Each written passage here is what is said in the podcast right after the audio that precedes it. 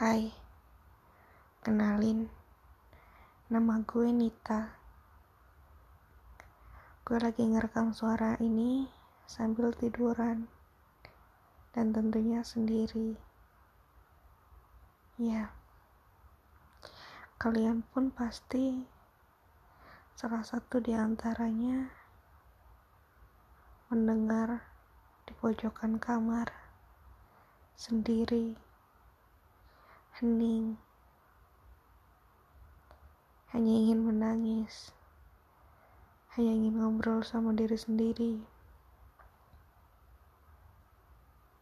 Ya, memang banyak orang ragu dengan kata sendiri.